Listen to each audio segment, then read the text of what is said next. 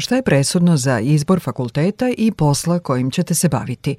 Za one koji tu odluku još nisu doneli ili jesu i to bez obzira na to koliko je od donošenja te odluke prošlo, priča u svom poslu bez obzira kojim poslom se bavi uspešnog profesora doktora Vladimira Crnojevića može da pomogne ili da malo prodrma zonu komfora. Priču počinjemo izborom koji je napravio pre 30 godina, kada je upisao fakultet. Trend je bio da se studira fizika. Svo moje društvo je htelo studira fiziku, uključujući i mene. A negde, svega par meseci pred upis sam shvatio da želim nešto praktičnije da radim. Odluka je bila elektrotehnika. Tada je to bilo jedinstveno elektrotehnika i računarstvo, 90. godina, i ja sam se kroz svoje obrazovanje nekako usmerio na telekomunikacije i obradu signala. Opet ili je to tada bilo popularno i važilo je za najteži, da nek, u neki način elitni smer. Naravno da nisam imao nikakve predstave šta će me čekati u budućnosti. I sada iz ove perspektive gotovo 30 godina od završetka studija stvarno se osjećam kao Steve Jobs, da ne bude to pretencijno, da neko ne razume pogrešno, ali onaj njegov govor na Stanfordu je nešto što mi je zaista ostavilo dubok utisak u životu. I vrlo često se vraćam tome kad priča o tome kako je napustio studije koje upisao, jer ga to uopšte nije zanimalo zapravo, i da roditelja ne troše pare, ali onda je išao pa je slušao kaligrafiju. I u tom trenutku je bilo potpuno besmisleno slušati predavanje iz kaligrafije, a ga je to zanimalo. Deset godina kasnije napravio je prvi Macintosh koji je imao fontove koji su bili zasnovani na toj kaligrafiji. Kada je upisivao fakultet, kako kaže, nije imao predstavu šta ga čeka u budućnosti. Moram da kažem sa današnje e, distance i gledajući današnje studente, naše studije su u dobrom delu odvojene od stvarnog života i nisu preterano korisne. Tek nakon studija čovek nauči šta može da radi, koliko je sposoban i šta je ono što zaista tržištu treba.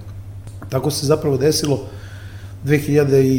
2004. godine da smo dobili jedan zanimljiv projekat sa američkom industrijom, potpuno slučajno, koji je mene u stvari osvestio na neki način. Šta znači stvarni posao, stvarni projekat i koliko je znanja potrebno da se to uradi. I ja sam tu stekao neke, neke stvari od kojih i danas živim, u domenu veštačke inteligencije, neka znanja, da bi to par godina kasnije sagledao gde to mogu da primenim logično, ali gde me srce vuče. I nekako biosistemi i, i, i živi svet i evolucija, to mi je uvek bila ljubav i to je bila ideja, ajde da spojimo IT i bio. Tako se institut Biosensi zove, Istraživačko-razvojni institut za informacije tehnologije biosistema. Naravno, pošto živimo u Novom Sadu, nekako se poljoprivreda nametnula kao nešto prvo i nas danas identifikuju kao institut za digitalnu poljoprivredu. Pre 15 godina kad smo krenuli s tom idejom, to je bila naučna fantastika. To su se vicevi pričali o tome šta mi radimo, ali danas više to nije vic, to je stvarnost i prosto je neka, neka evolucija koja od mog osnovnog obrazovanja stvarno nema nikakve veze. Ja kažem da sam pet puta pravio polukružno skretanje u životu što se tiče posla u odnosu na ono obrazovanje koje sam stekao i da sada kada bi ponovo upisivao, definitivno ne bi upisao to što sam tada radio, zato što se tehnologija sama toliko brzo menja da na svakih pet godina praktično u, u e, čovek e, na neki način mora da resetuje sistem i da krene, krene ponovo. Od doktoriranja na Fakultetu tehničkih nauka prošle su skoro dve decenije. 2004. sam upravo doktorirao i bio u procesu da budem docent, od asistenta postanem docent na fakultetu. I to je bilo tako, ja sam sanjao da dođem do redovnog profesora, jer je kao ideja bila kad si profesor ne moraš mnogo da radiš, držiš par predavanja, slobodno vreme, sam svoj, sam svoj gazda. E, međutim, sada iz ove perspektive vidim da sam zapravo hteo i mogao mnogo više, ali nisam mogao to da sa sobom nekako pomirim i slučaj je hteo, prosto kad je formiran institut Biosens, kad su stigli ti veliki projekti, kad smo imali situaciju e, međuljudskih odnosa koja više nije bila održiva, onda je to bilo nešto što nas je gurnulo. To je takođe priča Steve Jobsa koji kaže da kad se pogleda unazad, tačkice se povežu i sve postane logično. Jedino što napred nije moguće. Sad kad pogledamo nazad i neki ljudi koji su se pojavljivali i opšta situacija na univerzitetu i na fakultetu tehničke nauka je dovelo do toga da mi danas imamo biosens sa 150 zaposlenih i 50 doktora nauka, koji je jedan od vidljivih instituta u Evropi. I sve su to neke tačkice koje su se sad povezale i deluje sve logično. Da danas upisuje fakultet, izbor bi zavisi od toga kojim motivima bi se vodio. Moja lična ljubav jeste e, evolucija i u tom smislu neka neko ulaženje u razumevanje života i mehanizama ispod života i ako bi sad srcem upisivao to bi verovatno bila neka biologija na, na, na niskom nivou, na nivou gena, molekula i tako toga. A ako bi hteo da upišem da mi onako da, da prosto ne moram da pravim velika polukružna skretanja u životu, onda bi to verovatno bila prava. Kada priča o uspehu, sve izgleda jednostavno što, kako kaže, i jeste, ako se voli to što se radi. Sebe doživljavam da sam da ne kažem emotivac u smislu da mi je stvarno potrebno da me nešto motiviše. Ne mogu na suvo, ne mogu da bubam. I to je, to je bilo tako. Nekad sam imao uspon, nekad padove. Kad me nešto zanimalo, umirao sam za to. Kad me nije zanimalo, umirao sam od osade i ne, prosto nije bilo šanse da to ovaj, se desi. I evo i tu gde smo danas, i to je rezultat toga što me zapravo zanimalo. I kako da spojimo IT, živi svet i da prosto pratimo budućnost, ali to je ono što nam dolazi.